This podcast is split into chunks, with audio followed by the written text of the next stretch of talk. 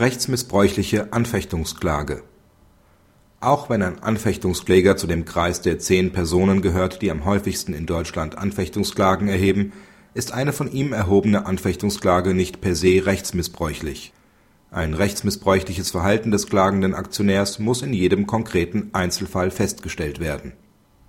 Das Landgericht Berlin wies die Anfechtungsklagen von vier Aktionären wegen fehlenden Rechtsschutzbedürfnisses ab. Die Kläger seien wirtschaftlich verflochten, weswegen eine mehrfache Klageerhebung sinnlos sei. Die Anfechtungsgründe seien ferner formeller Natur und die Kläger nicht nennenswert beteiligt.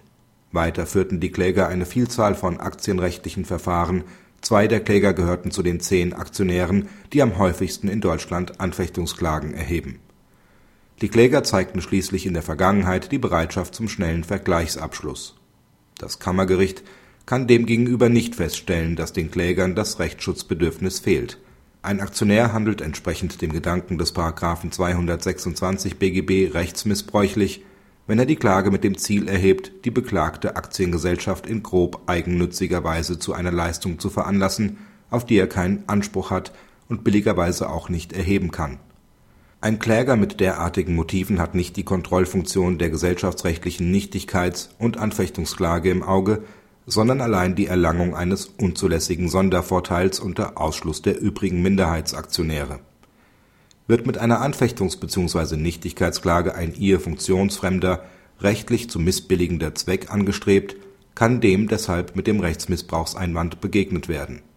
Dieses rechtsmissbräuchliche Verhalten bzw. die Verfolgung eigensüchtiger Absichten eines Aktionärs hat die beklagte Gesellschaft darzulegen und zu beweisen.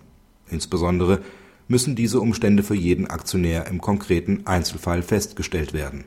Hieran mangelt es vorliegend, denn die beklagte Aktiengesellschaft beruft sich allein auf solche Hilfstatsachen, die sowohl einzeln als auch in einer Gesamtschau keinen sicheren Schluss auf einen Rechtsmissbrauch zulassen.